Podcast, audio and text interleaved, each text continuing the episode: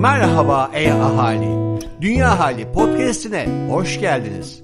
Burada sadece iklim krizinden değil, havadan, sudan da konuşuyoruz. Yuvamız, dünyamızdan bahsediyoruz.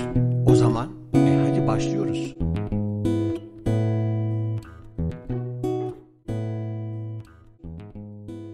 Merhaba Dünya Ahalisi. Ben Sima Özkan. Bu hafta arkadaşım Dünya Köşesi'nde sizlere doğaya kaçış büyüsü olarak dört kitaptan bahsedeceğim. Doğayı keşfe giderken ve bu kaçış yolculuklarımızda çocuklar bize eşlik ederken bazı kitapların elimizin altında olması doğada atacağımız her adımı daha emin adımlarla atmamıza yardımcı olabilir. Hangi kitaplarla mı? Arkadaşımız dünyamızı daha yakından tanımamıza eşlik edecek rehber kitaplarla. Bu haftaki kitap önerilerim yetişkinleri ve çocuk oyundaşlarını doğada keşfe çıkmaya davet ediyor. Unutma, keşfetmek için duyman, görmek için bakman gerekir. Aynı gezegeni, aynı şehri paylaştığın canlıların neler hissettiğini anlamak için kendini onların yerine koyman, dünyaya onların gözünden bakman iyi bir fikir olabilir. Öğrenmek isteyen keşfe gider ve doğanın dilini kendiliğinden söker. İlk kitabımız Doğa Dostu Çocuk Nasıl Yetiştirilir? Doğayı Sevme Sanatı ve Bilimi. Yazarı Scott D. Sampson, çeviren Duygu Argın. Alfa yayınlarından çıktı. Günümüzde çocuklarla doğa arasındaki kopukluğu onarmaya yeminli bir kitap. Dışarı çık, doğaya karış, kendi keşiflerinle yeryüzünün bir parçası ol. Çocuklar doğayla ancak fiziksel olarak meşgul oldukları zaman bağ kurabilirler. Kitabın altını çizdiği gibi aşina olmak, doğayı anlamaya başlamanın yarısıdır.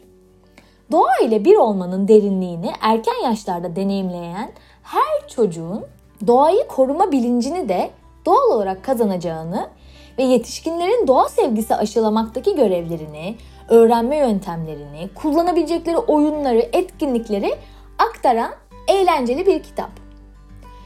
İkinci kitabımız Yıldız Patikaları ve Yabani İşaretler. Kayıp 6. hissimizin anahtarları ise alt başlığı. Tristan Gully yazmış, çeviren İlke Önelge ve Avantür kitaptan çıkmış. Doğadaki işaretleri okuma yeteneğimizi hala içimizde bir yerlerde olan 6. hissimizi yeniden kazandırmaya kararlı bir kitap. Pratik ipuçları ve egzersizlerle doğayı okuma sanatı. Doğayı sezgisel olarak anlama yeteneğimizi kaybetmedik ve arkadaşımız dünyayı algılamak için insanüstü güçlere sahip olmamız gerekmiyor.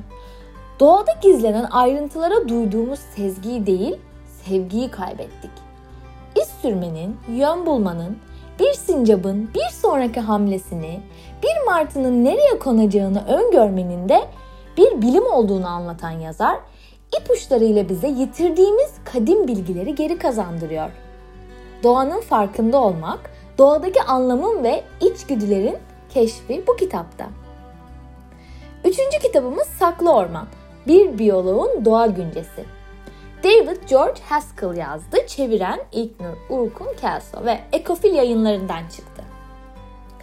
Bir ormanı sık sık ziyaret ederek doğanın bir yıllık döngüsünü gözlemlerken doğada birbirinden başka rollere sahip her canlıyı birer roman kahramanı gibi okumak için muhteşem bir kitap.